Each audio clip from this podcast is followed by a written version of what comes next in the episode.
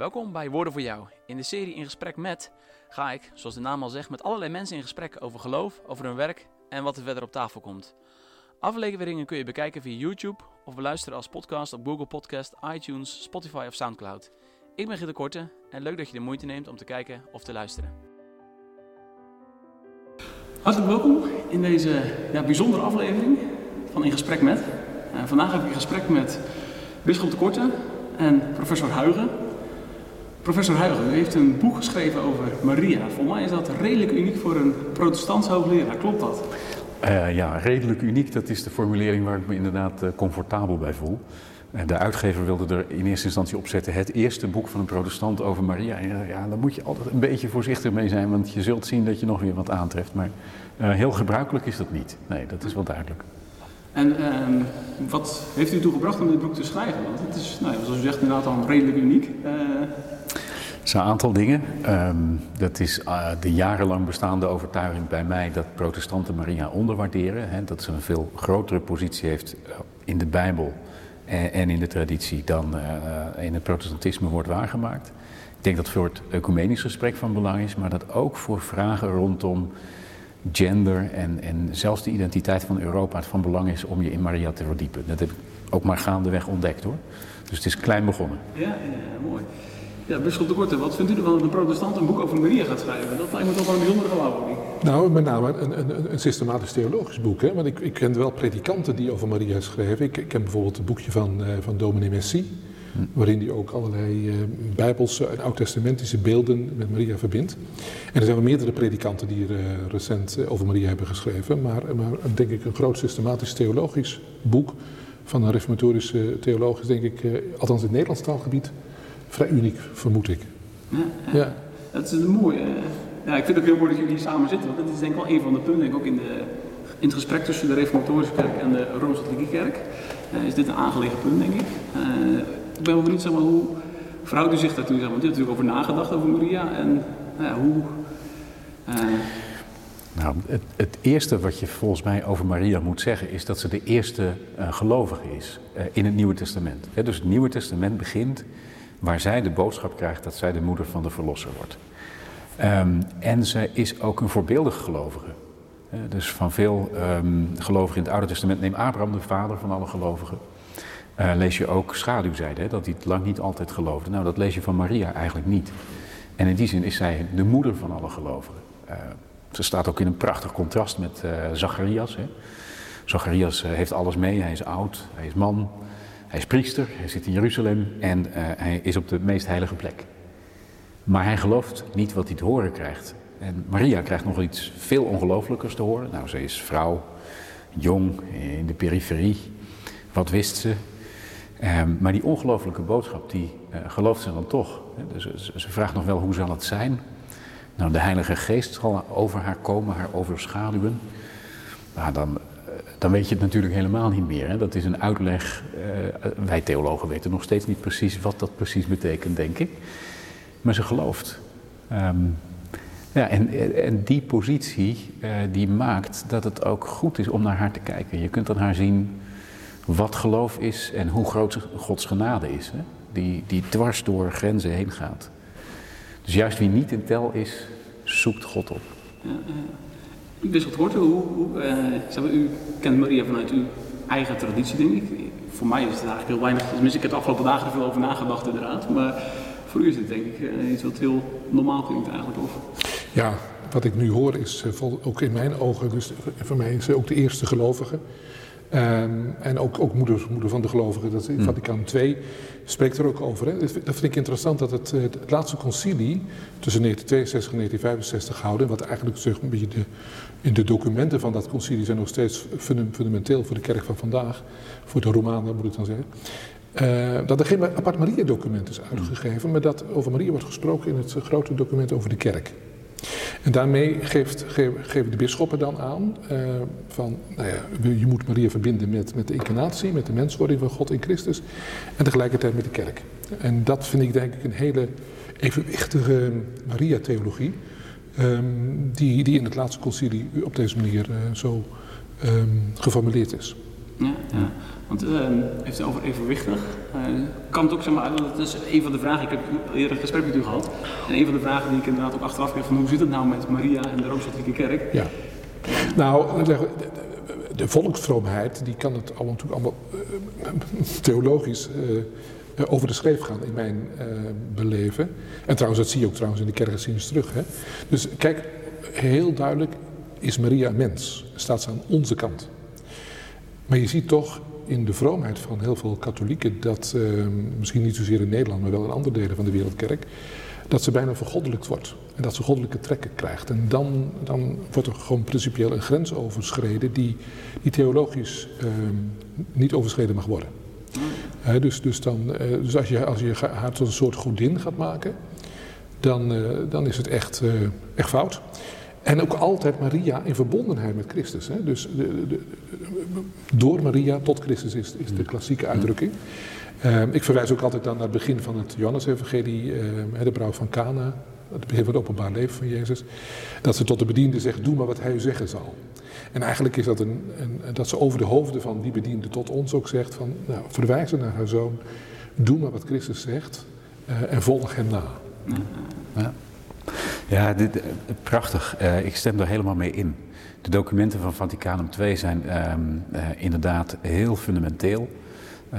Jozef Ratzinger heeft dat een, een, waterscheiding in het concilie genoemd. Het was een vrij nauwe stemming, maar uiteindelijk ja, Maria ter sprake gebracht in de context van de kerk, waar ze ook thuis is. Um, en dat lijkt me een heel belangrijk aspect. Dat protestanten vaak zijn vergeten. In, in Johannes staat ook Johannes 19, en Maria aan de voet van het kruis, samen met uh, Johannes, de discipel. En wat Jezus daar doet, hij zegt: Vrouw, zie uw zoon, zoon, zie uw moeder. Daar maakt hij een nieuwe gemeenschap, niet door de banden van uh, het natuurlijke, van het bloed, maar door de geestelijke band, de band aan Jezus Christus. Daar ontstaat eigenlijk de christelijke kerk. En daar wordt Maria moeder genoemd. Dus in die zin is ze ook moeder van alle gelovigen. Nou, dat zijn aspecten die volgens mij goede bijbelse theologie zijn. Um, en die ik uh, niet altijd heb gehoord in protestantse kring. De grens ligt inderdaad uh, bij waar Maria als het ware wordt vergoddelijkt. Ik heb me ook wat geprobeerd te verdiepen in verschillende vormen van Maria-devotie, zoals je die her en der tegenkomt. een mooi boekje op zich van Henry Nouwen over Maria. En dan beschrijft hij hoe die in, in is prachtig opgeschreven en innerlijk kom ik daar dan toch uh, uh, niet in mee. Maar dan denk ik wel, um, en zo probeer ik ook zelf kritisch te zijn, van ja, maar uh, wereldwijd zijn het juist de gemarginaliseerden, de mensen in de marge, die wat in Maria vinden. En Maria past ook beter, zeg, in de sloppenwijken van Rio de Janeiro dan, dan in een bos, misschien. Ehm, en dan denk ik, ja, zelfkritisch, het protestantisme, waar uh, heeft dat nou aantrekkingskracht op deze mensen in de marge? Ja, dat is er eigenlijk niet of nauwelijks. Dus nou ja, dan ben ik toch ook maar een beetje terughoudend in mijn oordeel. Um, dus maar theologisch zit er een grens. Maar ik zie ook wel een, een tekort uh, aan mijn eigen kant, wat dat dan gaat. Ja, herkent u dat er wisseltekort, dat, zeg maar, die, uh, ja, zeg maar dat nederige van Maria? En, Zeker, maar ook, ook natuurlijk als je het Magnificat beluistert, ze staat volgens mij ook in de profetische lijn. Hè? Dus, dus, ja. dus, dus dat ze ook de, de omkering van verhoudingen bezingt. Um, uh, de machtigen worden voor de troon gestoten, rijken worden heen, uh, met lege handen heen gezonden, de armen worden, worden verheven. Dus ik, in mijn beleven zingt ze daar eigenlijk ook zoals in de profetische literatuur over God wordt, gezongen, ja. wordt gesproken. Um, en in die zin is het denk ik ook voor, voor heel veel eenvoudige mensen, uh, uh, een, een, moeder ook, hè, uh, ook godsdienstfenomenologisch zit er denk ik heel veel in. In de zin van een vrouw die een, een, een dode zoon op haar schoot heeft. Mm. Als je kijkt naar de Pietà. Ja, um, ja. Dus dat is ook heel veel mensen met verdriet, die, die half een kind hebben verloren, die kunnen vaak in Maria ook iets van, van herkenning vinden en van troost vinden. En dat zie je trouwens ook wel bij Maria plekken waar, waar een intentieboek ligt.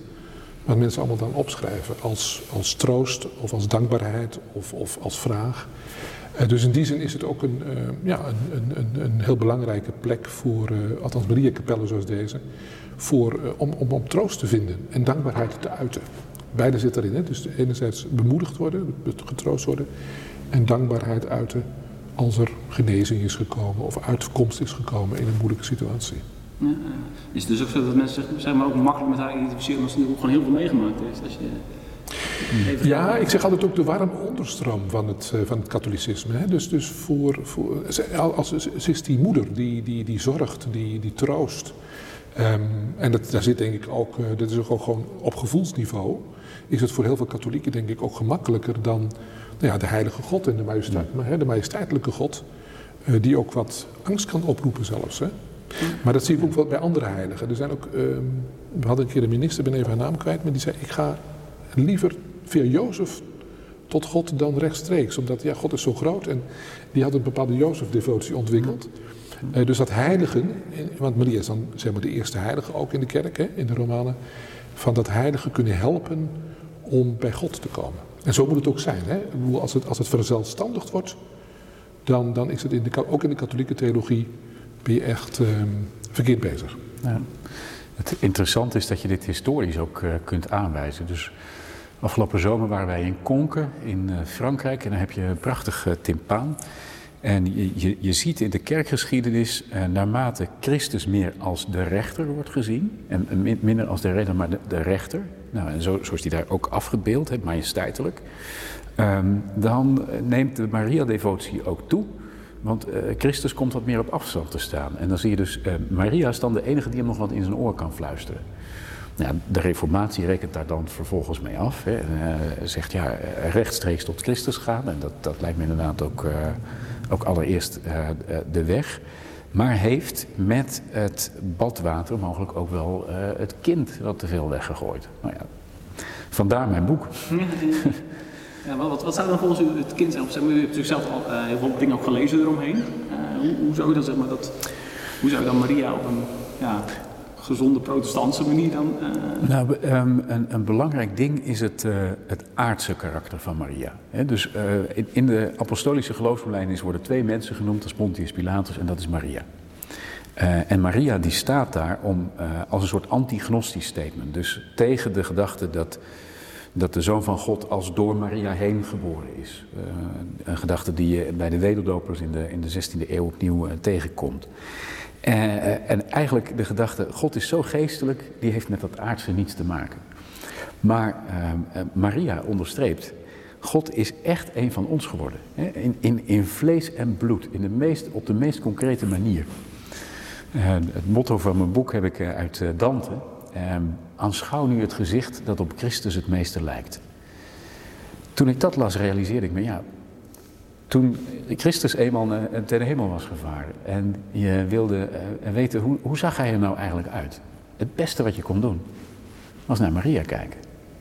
Ja, die concreetheid, uh, dat, dat zet het geloof met beide benen op de grond. We hebben een in de aarde verworteld geloof nodig, dat niet geestelijk zich daarvan loszinkt. En het protestantisme is daar niet altijd vrij van geweest. Een hele boeiende gedachte inderdaad. Um, zeg maar, hoe heeft dat zeg maar, binnen het protestantisme zich ontwikkeld? Waar, dus ik zat even in de voorbereiding te kijken naar wat de reformatoren erover gezegd hebben. wat ik op het eerste gezicht zag was dat zij positiever waren over Maria dan dat uh, Klopt. vandaag de dag. Uh, nou. Klopt. Uh, Luther uh, die schrijft een prachtig commentaar op het Magnificat op de lofzang van Maria. Dat doet hij in 1520 en 1521. Tussendoor moet hij naar de Rijksdag de Worms, waar alles op, op haren en snaren staat, wat heel spannend is. En, en na terugkomst uh, schrijft hij het af. En aan het eind roept hij gewoon Maria nog aan. Dat doet hij in 1521. Uh, nou, dat, dat doen veel van de nazaten van Luther hem niet na. De meeste reformatoren waren ook ervan overtuigd dat Maria altijd maagd is gebleven was ook omdat het volk daar sterk van overtuigd was. En weet je daarvan af, dan kreeg je echt gedoe. Dus uh, Zwingli en Boelinger die hebben allebei gedoe gehad in Zurich, omdat ze onder de verdenking kwamen dat ze het anders leerden. Calvijn die was, uh, die, die, was nu eens de meest uh, tactische van de reformatoren. Die laat zich daar niet over uit. hij zegt in de schrift staat dat Jozef niet tot Maria inging totdat het kind geboren was.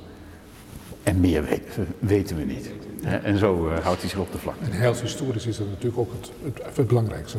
Als het gaat om het geheim van de incarnatie, van de menswording. Ja.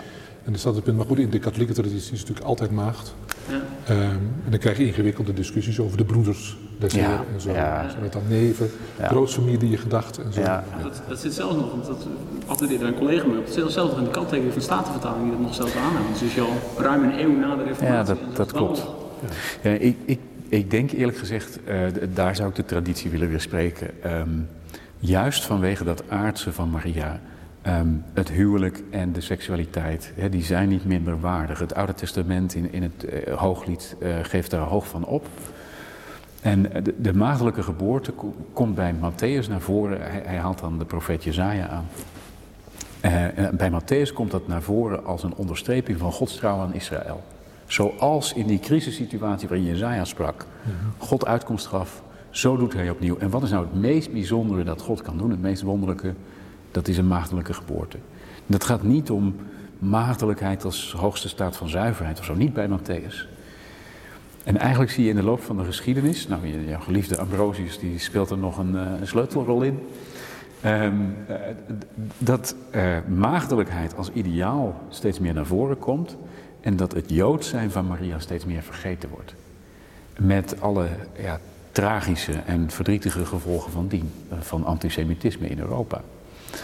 Dus ik, ik denk dat we, um, zeg maar, dat heel aardse, dat heel oud-testamentische, uh, dat verworteld zijn in het Joodse, dat we dat echt nodig hebben. En dat is, dat is wat mij betreft niet alleen een punt voor het protestantisme, want ik probeer vooral zelf kritisch te zijn. Hè. Het is altijd makkelijk om anderen te zeggen wat ze moeten doen, maar ik denk dat het ook voor het Rooms-Katholicisme nog wel een belangrijk ja, punt is. Was eigenlijk na de Tweede Wereldoorlog goed ontdekt. Hè? Ja. Dus, dus, ja. Het is eigenlijk tragisch dat de Shoah nodig was om, om als het ware de Joodse wortels weer veel sterker te beseffen. En dat het gewoon om een Joods, Joods meisje gaat. Die Mirjam, eh, die leeft dan uit de God van, uh, van Israël. Ja.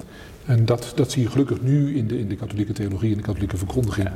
steeds verder terugkomen. Maar, uh, maar, maar dat was lange tijd, denk ik, wat inderdaad ja. op de achtergrond. Hè? En het opent ook je ogen voor die profetische traditie, inderdaad, waar ze in staat. De, de psalmentraditie, haar lied is eigenlijk een psalm. Ja. Um, dus, dus, het is een concentratiepunt van het Oude Testament wat er bij haar gebeurt. Hè. Dus, um, Maria is dus ook niet alleen maar een, een dociel typetje, hè, zoals uh, uh, ze soms wel wordt gezien. Ze wordt gezegend onder de vrouwen genoemd. Nou, uh, enkel Jaël wordt in het Oude Testament zo genoemd en, en Judith in de Deuterocanonieke boeken. Nou, Jaël is iemand die een vijandig legeraanvoerder een tentpin door zijn hoofd slaat. Judith hakt een hoofd af. Um, dus ja, dat schept wel verwachtingen. gaat ze goed nee, nee, nee, maar er zit in dat, uh, dat lied ook iets heel uh, strijdbaars. Van God gaat de wereld vernieuwen. Het koninkrijk God spreekt baan. Zeker. Ja. Ja. Ja, en ja. natuurlijk zou je kunnen zeggen vanuit uh, Genesis 3, vers 15, dat ze de, de kop van de slang vermorzeld wordt, zeg maar. Dat is natuurlijk iets wat dan... die, die grote strijd die gaande is, ja, daarin vervult Maria een grote rol. Ja. Dus in die zin is zij de, de gezegende dan. Ja. ja, ja, ja. Ze wordt ook wel eens de tweede Eva genoemd, maar daar zitten allerlei problematische kanten aan, uh, wat mij betreft. Dat, uh, um, dat is zo geworden. Uh, eigenlijk vind je dat in, in, het Oude Testament niet en in het Nieuwe Testament ook nauwelijks. Bij Paulus een enkele hint. dat speelt zich meer op de achtergrond af van de beide testamenten. Maar vooral in de kerkgeschiedenis gaat zich dat ontwikkelen. En dan wordt Eva een soort nou ja, een stok om alle vrouwen mee te slaan. Tertullianus doet dat. Die schrijft een De cultu feminarum, hè, dus over hoe vrouwen zich kleden. En hij is tegen op make-up en allerlei wulpse kleding. En, uh, en, en de grap is dat daarom zijn boek, omdat hij zo gedetailleerd is, nog steeds een belangrijke bron is voor hoe zag de mode er toen uit. Zijn. Maar goed, dat schrijft hij. Uh, aan alle vrouwen weet je niet dat jij Eva bent en dat jij de zonde in de wereld hebt gebracht. En dat wordt tegen vrouwen gezegd op een manier zoals dat niet tegen mannen wordt gezegd uh, ten aanzien van Adam. Die toch ja, in eerste instantie verantwoordelijk was. Of in ieder geval net zo goed verantwoordelijk als Eva. Ja, dus dat, uh, da daar heeft wel wat scheefgroei plaatsgevonden, denk ik, in de traditie. Ja. Ja.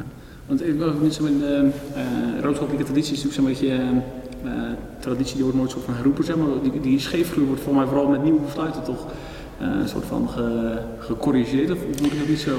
Uh... Ja, maar kijk, die scheefgroei zit vaak ook in de, in de, in de, in de volksvroomheid, mm. hè?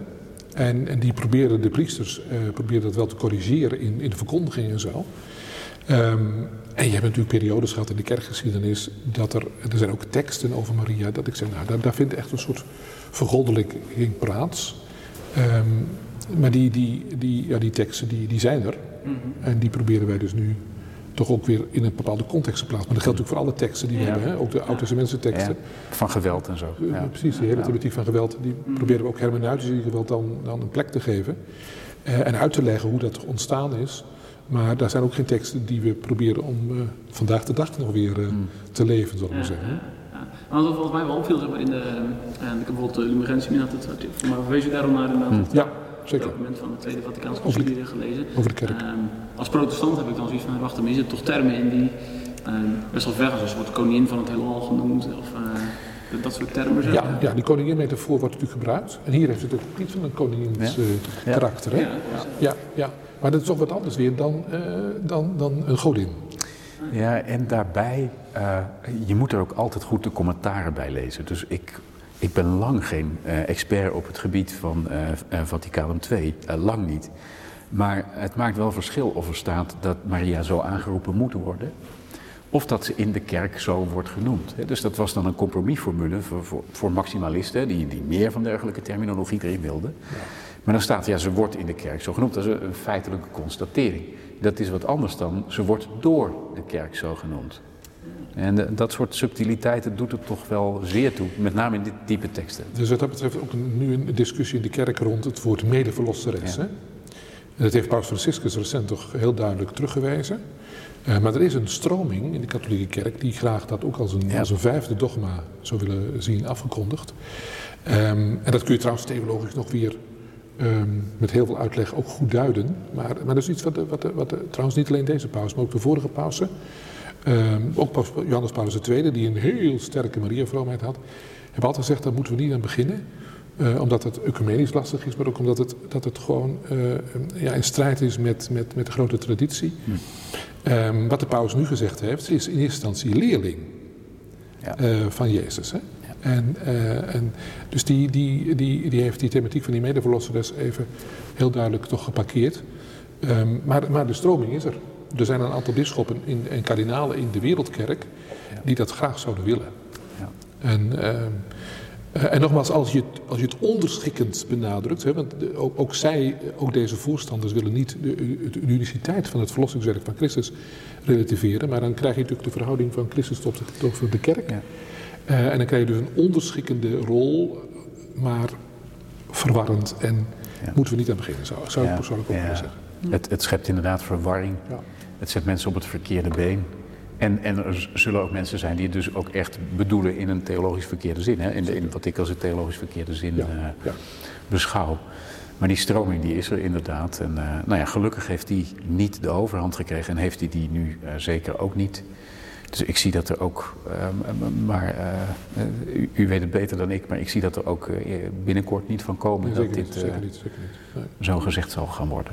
Ja. Heel boeiend, ik zat te lezen dat over verschillende stromingen, maar dat is dan waarschijnlijk een van die stromingen die dan bedoeld worden in het document zelf. Want er werd gezegd dat het over verschillende stromingen als het gaat om Maria, maar dat is dan waar het... Nou, je hebt, je hebt natuurlijk maximalisten, hè? dus die, die, die, die- je kunt no- nooit groot genoeg over Maria spreken. Nou, dat, dat heeft de kerk denk ik ook in Vaticaan II willen temperen. Ehm, en, en, een, en een heel duidelijke middenkoers willen varen. Ehm, en we hebben natuurlijk ook weer geleerd trouwens, in de ecumenische contacten, van de kritiek van de reformatie ook. Hè? Dus ehm, dat vind ik ook de vruchtbaarheid van, van ecumenische contacten. Die zegt van nou, luister ook naar de reformatorische traditie, ehm, zoals omgekeerd protestantse theologen ook weer naar de katholieke traditie luisteren. En dat Ja. kan ook tot, tot nuance leiden en tot verfijning van opvattingen. Ja. En, en eerlijk is eerlijk, er zijn vanouds veel meer eh, Rooms-Katholieke theologen die op de protestantse traditie studeren dan andersom. Eh, dat, dat vind ik wel echt een gemis. Ja, ehm, het interessante is ook de Oosters-orthodoxe traditie, hè, waar zeker. Maria een heel grote plaats heeft, eh, ook in de, in de theologie van iconen. Ja. Ehm, maar waar bijvoorbeeld het dogma van de onbevlekte ontvangenis en het dogma, eh, dogma van Maria ten hemelopneming eh, niet worden onderschreven. Nou, dat, eh, die twee dogma's die wezen toch in een bepaalde richting. En Vaticanum II eh, eh, nuanceert dat toch op, op een heel aantal belangrijke punten. En voor het ecumenisch gesprek is dat enorme winst. Ja. In, in welk opzicht is dat dan winst? Geeft dat dan meer ruimte voor het gesprek? Of hoe, uh, ja, zeker. Ja, um, zeg maar, die, die uh, beide dogma's, uh, ja, ik noem ze in mijn boek bedrijfsongevallen. ik had liever gezien dat ze er niet waren geweest. Um, maar nu ze er zijn, ben ik wel heel dankbaar dat Vaticanum II als het ware een lens biedt of een perspectief biedt. op basis waarvan het ecumenisch gesprek nog weer verder gevoerd kan worden. Uh, ja, dat is, dat, is, dat is echt heel erg mooi. Want er zitten uh, prachtige teksten in, Lumen Gentium. Inderdaad, als je, als je, zoals de huidige paus doet, Maria allereerst als discipel uh, neerzet, dan kun je naar haar kijken, dan kun je van haar geloof leren, het voorbeeldige geloof. Waarbij het dan ook nog eens een keer zo is, je kunt een voorbeeld hebben waarbij je denkt, ja, dat, dat haal ik nooit. Hè? Dus ehm, maagd en moeder zijn tegelijk, dat is voor vrouwen doorgaans niet weggelegd. Um, maar ook dat geloof van Maria, dan denk je, ja, dat, dat, dat, dat red ik niet. Maar ze, is voorbeeldig, uh, terwijl ze ook weer niet voorbeeldig is. Hè? Dus uh, ze heeft geen enkele kwalificatie die haar geschikt maakt voor Gods genade, anders dan dat ze ontvangt. En is dat niet hoe genade werkt? Die hoef je enkel maar te ontvangen. Dus aan de ene kant kun je zeggen, ja, Maria's geloof is heel ver weg. En aan de andere kant is het ook zeer nabij. En dat zijn toch een paar protestantse uh, accenten die ik nou zet, waarvan ik denk dat, uh, dat zou, juist protestanten zouden daar uh, de nadruk op moeten leggen. Ja. Ik was nog even benieuwd, ik zag u glimlachen bij die bedrijfsongevallen. Ja, ik heb de indruk dat, dat de, de, het geloof in de, in de, in de, in de zonderloosheid van Maria en en ook de, de, de ten hemelopneming zit, leeft wel in de orthodoxie ook, als, maar op spiritueel niveau. Ja. Dus men heeft niet behoefte gehad om te dogmatiseren. Dus de orthodoxe kerken waren in 1950 ook eigenlijk boos op Rome, dat zonder overleg met dat dogma is ontstaan. Um, maar het, het heeft, gaat, heeft natuurlijk oude wortels in de zin van de, de oude Dormitio-gedachte. dus dat Maria ontslapen is en, en je hebt ook prachtige iconen van, dat ze zo mm. um, naar de hemel uh, wordt gevoerd uh, en bij Christus mag zijn. Uh, en, uh, en, dat was eigenlijk de, de, de bedoeling van dat dogma. Uh, heel interessant trouwens dat kardinaal de Jong, dus die kort na de oorlog kardinaal is geworden vanwege zijn moedige optreden tijdens de Tweede Wereldoorlog, die was een van de weinige kardinalen geweest die de paus gezegd heeft, wat mij betreft hoeft het geen dogma te worden, hm. want meestal wordt iets gedogmatiseerd als het bedreigd is. Ja. Maar er was in de katholieke spiritualiteit van 1950, was, was het geloof dat zij, dat zij bij Christus was, was breed aanwezig. In, in, het, in, de, in de spiritualiteit, hè, zoals het ook bij de orthodoxe uh, christenen het oosten geldt. Dus het hele dogma van 1950 um, ehm, had wat dat betreft niet hoeven te zijn. Dat, dat is ook te zien, denk ik, um, als, een, als een soort zelfexpressie van uh, pauselijke autoriteit. Hè. Dus tussen die twee Maria-dogma's in ligt 1870, het Eerste Vaticaans Concilie, waar de onfeilbaarheid van de paus, als hij ex cathedra spreekt, uh, wordt vastgelegd. Um, en ja, het had dus ook wel iets van een, van een uh, van de paus. En wat Vaticanum II nu uh, doet, is eigenlijk weer conciliair denken. Hè? Dus denken vanuit het geheel van de kerk en uh, zonder die enorme prominentie van de paus. En dat lijkt me heel erg gezond. Ja. Dat zien we ook nu op weg naar de synode van 2023. Hè? De paus heeft recent afgekondigd een, een algemene bisschoppensynode in oktober 23, maar wil daar voorafgaand de hele kerk consulteren met een synodaal proces. Dat, begint al oktober van dit jaar in de bisdommen. Dan de kerkprovincies, dan de werelddelen en dan uiteindelijk moet er een, een, een groot aantal, uh, moet er een document liggen met materiaal verzameld uh, uit de wereldkerk die de bisschoppen dan gaan bespreken. Dus daar zit die hele conciliaire of synodale um, gedachte zit daar duidelijk bij, bij de huidige paus. Om het volk van God te consulteren over de toekomst van, uh, ja, van de koers van de kerk ook. Oké. Ja. En uh, speelt dan Maria dan ook een, een bepaalde rol in dan? Nou, ze zal zeker eh, ook een, plaats krijgen. Maar de, de, de, drie termen die worden gebruikt zijn, zijn communio, dus de kerk als liefdesgemeenschap. De participatie van de, van de gedoopten en de thematiek van de missio. Dus dat kerk, uh, kerk zijn betekent principieel missie. Okay. En, en, dat is ook heel gemakkelijk natuurlijk te actualiseren um, naar elke deel van de wereldkerk toe ook. Hè? Ja, ja. welk thema is het spannendst, als ik vragen mag? Nou, mij lijkt, uh, wij zijn natuurlijk als kerken, ook in Nederland, erg bezig met, met de, de missionaire kerk. Mm Ik bedoel, uh, elke kerk heeft missionaire projecten, omdat we juist beseffen dat het heel lastig is om het geloof aan de volgende generaties mm. door te geven. Dat geldt met name denk ik voor de twee volkskerken nog meer dan voor de kleinere protestantse ja, kerken. Ook, ook wel in toenemende mate hoor. Ik vermoed het, hè, maar ja. ik zeg altijd, de tuin van alles altijd net iets groener dan je eigen tuin. Dus maar, maar ik, in onze, dus de, de PKN en de, de Europese Katholieke hebben beide natuurlijk die zorgen, als twee grote volkskerken, van hoe krijg je dat geloof aan de nieuwe generatie doorgegeven. Dus die missionaire opdracht is heel, mm. heel belangrijk.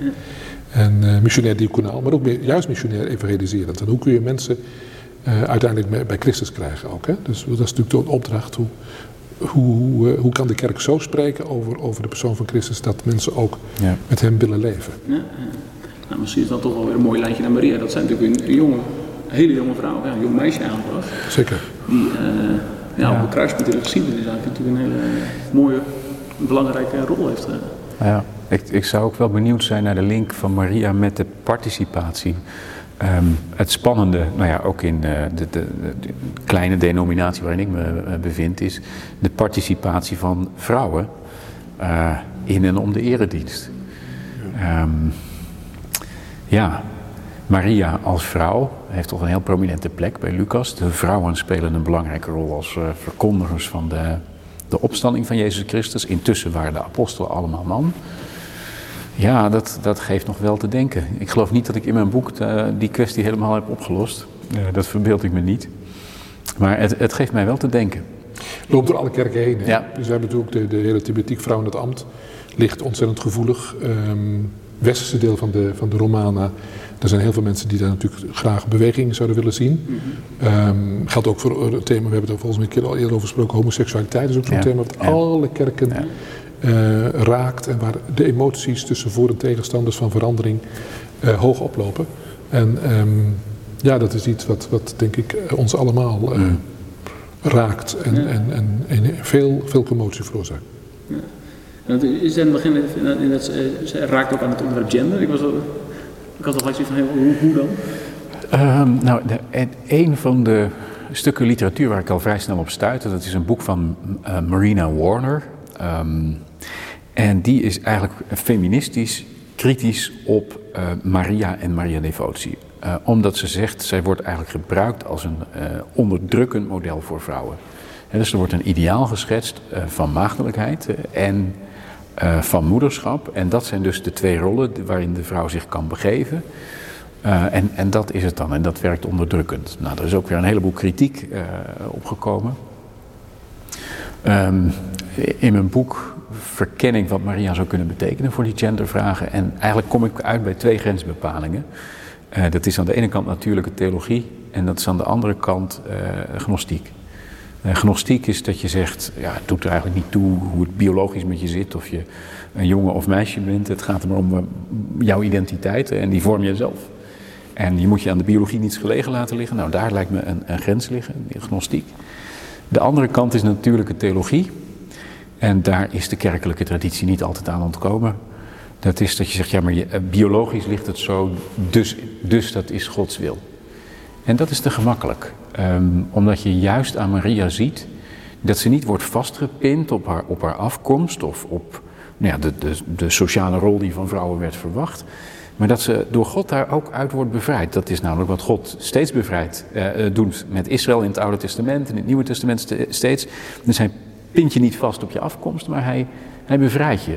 Zonder dat je nou zegt, en nou doet mijn afkomst er helemaal niet meer toe. Dus ja, ergens tussen die twee grensbepalingen zullen we onze weg moeten vinden. Ja, dat is een begin van een antwoord, hoop ik. Dat is ook wel wat ik zelf wel heel boeiend gegeven vind, dat we natuurlijk van, van Jozef geen enkel woord overgeleverd hebben. Uh, en dat Maria altijd, uh, als, we, als gesproken is het Maria die aan het woord is. Dus. Nou, lees het, lees het evangelie naar Matthäus nog eens, want dat, is, dat wist ik ook niet. Maar eh, bij Lucas heeft eh, Maria heel veel tekst, maar bij Matthäus eigenlijk niet. En bij Matthäus uh, is de spotlight eigenlijk op Jozef. Dus Jozef is het die in een droom wordt vermaand en zo. Um, dus Jozef speelt bij Matthäus juist weer een heel belangrijke rol. Um, nou ja, heel interessante accentsverschillen tussen de evangelisten wat dat gaat. Spreekt hij denk ik vooral door zijn daden dan? Want volgens mij, de woorden heeft hij toch niet gesproken?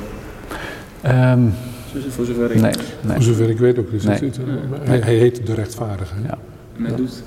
En hij doet rechtvaardig. rechtvaardig. Hij doet rechtvaardigheid Ja. zeker. Hij leeft Ja. rechtvaardigheid. En hij droomt, net als zijn naamgenoot uit het Oude Testament. Ja. Ja. Ja. Maar goed, we hebben het nu over Maria, die eh, natuurlijk haar eigen plek heeft. Ik wil hoe, ehm, eh, ja, hoe, hoe, kan, hoe kan zij tot een voorbeeld zijn? Ze hebben het natuurlijk wel gehad over geloof. Zijn er nog meer aspecten waarin zij tot een, een voorbeeld kan, eh, kan zijn? Eh, nou, nou ja, geloof ruimt op genade. Hè? Ehm, dus als je wilt zien hoe, hoe genadig God is, dan zie je dat wel aan haar. En dat lijkt me een heel belangrijke. Eh, kerken krimpen. Ehm, er zijn steeds minder mensen die expliciet in God geloven. Maar God kan ze wel allemaal bereiken. Ten tijde van de, het hoogtepunt van de pandemie in Italië schreef Ilja Leonard Pfeiffer. Nou, dat is, dat hadden we niet gedacht dat we die naam in deze Maria Kapel zouden noemen. Eh, atheïst.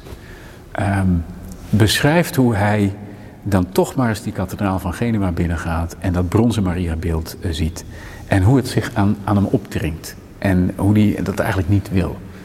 En ik vond dat indrukwekkend. Dan denk je, eh, eh, eh, daar is toch iets. Hè? De, de mensen zijn niet van God los. Ik zie een beweging in onze cultuur. Het is klein en het is onder de oppervlakte, maar toch van een, van een nieuw verlangen. Een besef van, ja, maar dat zichtbare en het materiële, dat is niet alles wat er is. Ja, wat is dat? Dat? Dat moet je niet maximaliseren, maar het is ook niet niks. Het is natuurlijk een klassieke christelijke mensbeeld ook. Ja. hè? Het desiderium naturaal, dat er een natuurlijk verlangen van het schepsel naar de schepper is. Hè? Naar, van, het, van het tijdelijke naar het absolute. Het beroemde woord van Augustinus, van onrustig is ons hart, Ja. totdat het rust vindt in u. En dat Ja. is natuurlijk... eh, dat, dat, dat zie je denk ik ook, ook eh, op onverwachte momenten. Dat er toch eh, mensen die, die, die zich atheïst noemen of, ag- of agnost, maar dan toch wel dat besef van, van eh, nou ja, heen en weer geslingerd worden tussen, tussen volstrekte twijfel en onzekerheid en verlangen. En ik, ik, ik heb de indruk dat dat trouwens ook in, binnen de kerk ook zo is. Hè? Dus dat heel onze cultuur gestempeld wordt en dat het verschil tussen binnen en buiten, zeker als het gaat om de, om de volkskerk, ehm, zoals de Romanen dat is, dat dat verschil heel betrekkelijk is. Dus ook, dat ook in onze, goed Miskot heeft volgens mij ook al gezegd, al ver voor de oorlog, hè, Ja. dat de kerkbanken zitten natuurlijk ook vol met mensen ehm, die, die op zijn minst twijfels hebben en, en, en, en door tussen, tussen, tussen twijfel en verlangen eh, heen en weer geslingerd worden.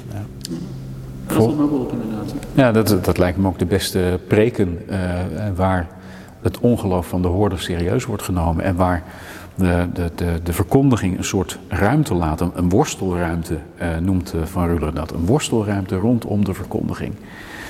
Ehm, ja, en mij valt dan op, als ik eh, naar de weg kijk van mensen die uiteindelijk wel eh, eh, zichzelf gelovig durven noemen. Ste- Stefan Sanders vind ik een heel Ja. inspirerend voorbeeld.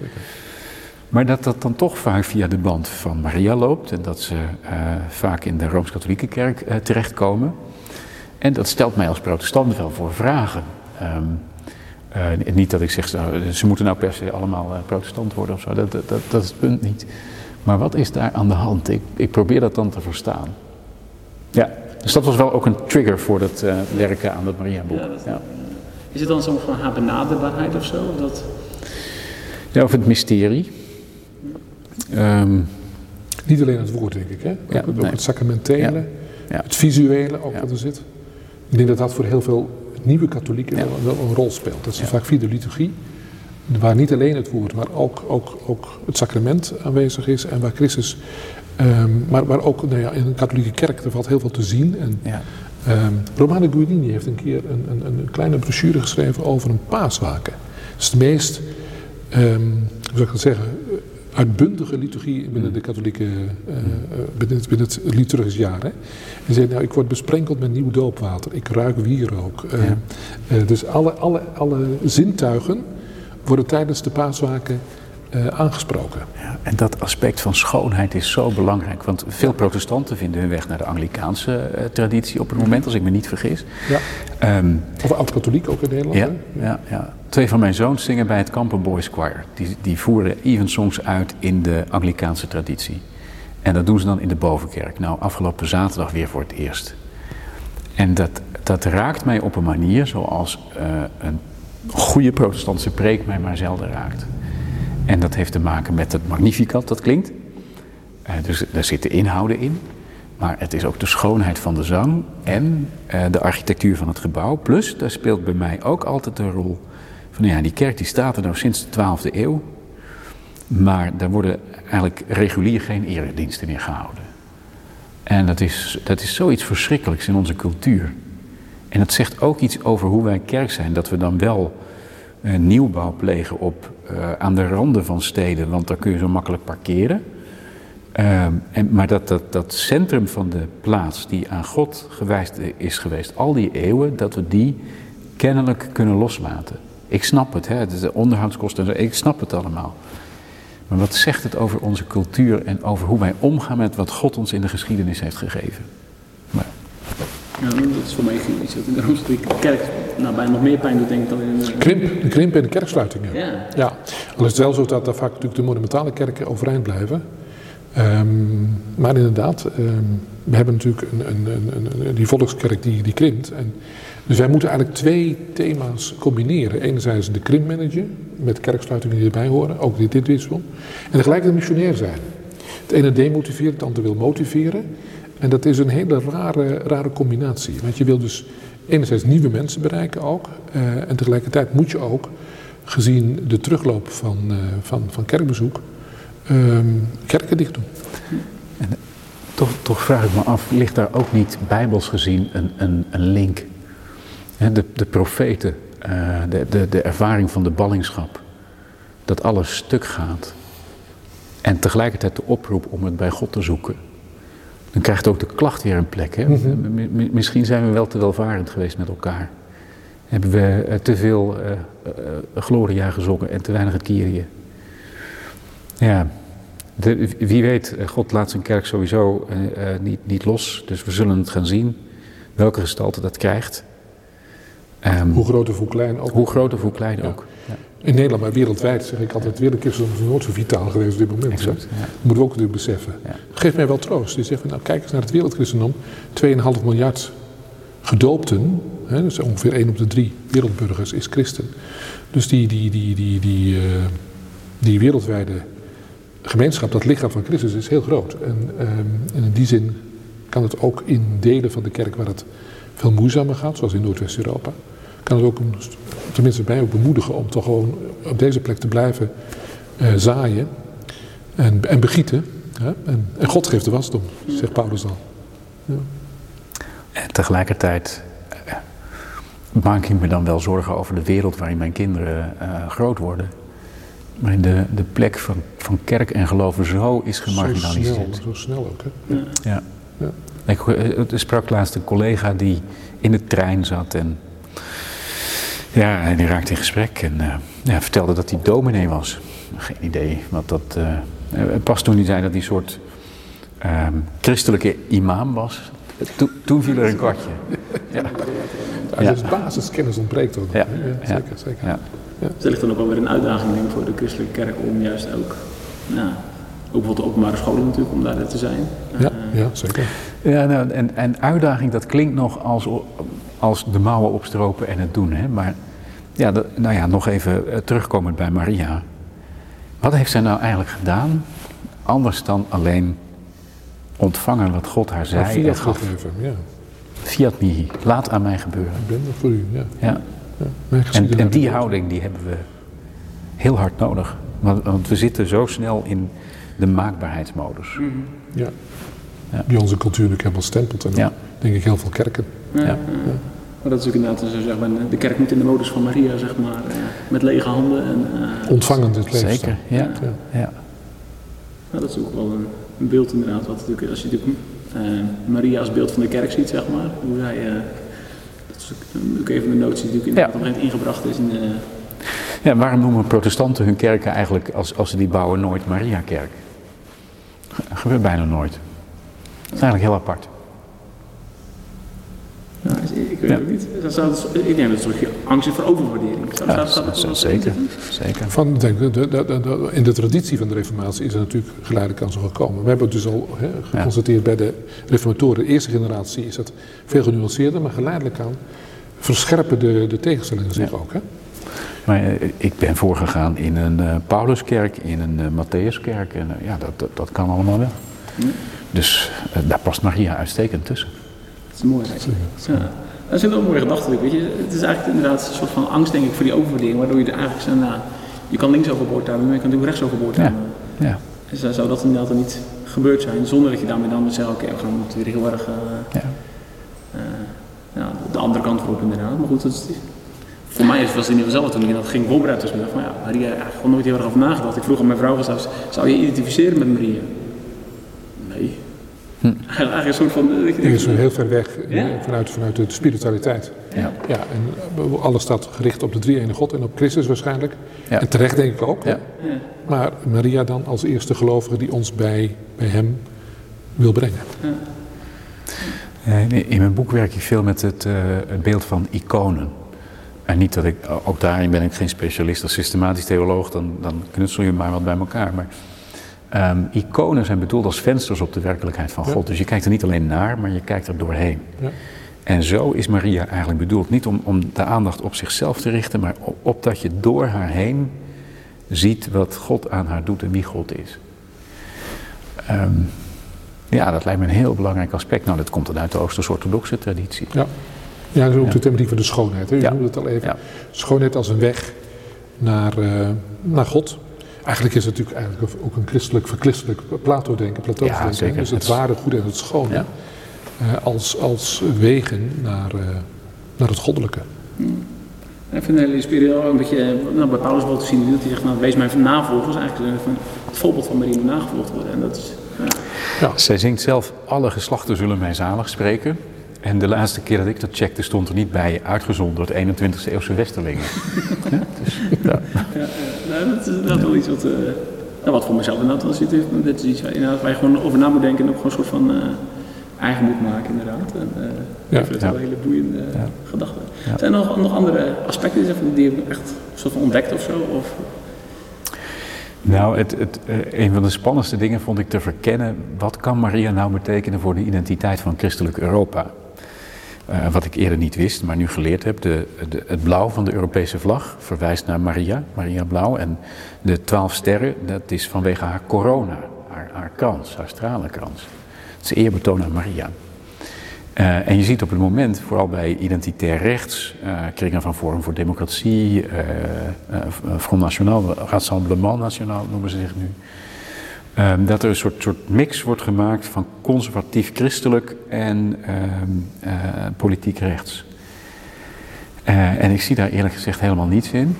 Maar ik zie wel, het, het christelijk geloof heeft Europa gestempeld op een manier die uniek is. Er, er zijn in dit, dit werelddeel dingen gebeurd die elders niet gebeurd zijn. En volgens mij moet je dat waarderen, anders kom je opnieuw in de gnostiek terecht. Dan, dan, dan zeg je, ja, het maakt niet uit waar je leeft, hè? elke plek is gelijk. Nee, er, er zijn hier dingen gebeurd. En ik geloof dat Gods weg met Europa nog niet ten einde is. Ja. Dus eh, het is misschien een wat een long shot, noemen de Amerikanen dat. Hè? Eh, misschien wat ver gezocht. Maar die, die, die aardsheid van Maria, die je bepaalt bij je plaatselijkheid, die bepaalt mij er ook bij dat ik ergens thuis ben en ergens thuis hoor. En dan, dan ga ik helemaal niet mee in die, die oikostaal van eh eh, Forum voor Democratie en dergelijke. Maar dat God een thuis schept, dat, dat, eh, een, ruimte schept die ook relevant is. Het doet ertoe waar je bent. Nou, dat hebben we in coronatijd toch opnieuw geleerd. We konden opeens niet meer vliegen. Je was gewoon thuis. Je, je was waar je was. Zeker. Ja. Zeker. ja, die plaatselijkheid zit natuurlijk ook inderdaad in je plaatselijke gemeente doen, maar ook inderdaad gewoon ja, waar je woont en waar je leeft. Ja. En, ja. En zo werd er ooit een, eh, een meisje in Nazareth geroepen. ja. Ja, als je daar even over nadenkt, is het natuurlijk heel eh, bizar dat we hier eh, ruim 2000 jaar later inderdaad over zitten te praten. En, Dat, dat is wat genade doet. Ja. ja, ik, ik vind het een mooi einde. Dit is wat genade doet. Ehm, heel hartelijk Heel goed, heel goed. ja, Ja. bedankt voor jullie tijd en eh, Graag gedaan. dit gesprek. eh, Heel graag gedaan en, en dank dat we hier eh, te gast mochten zijn. Ja, in de Mariakapel. Een plek waar heel veel mensen toch eh, troost en bemoediging vinden. hè? Ja. Dat is een, een venster, een icoon Ja. van eh, genade. Hartelijk bedankt. Graag gedaan.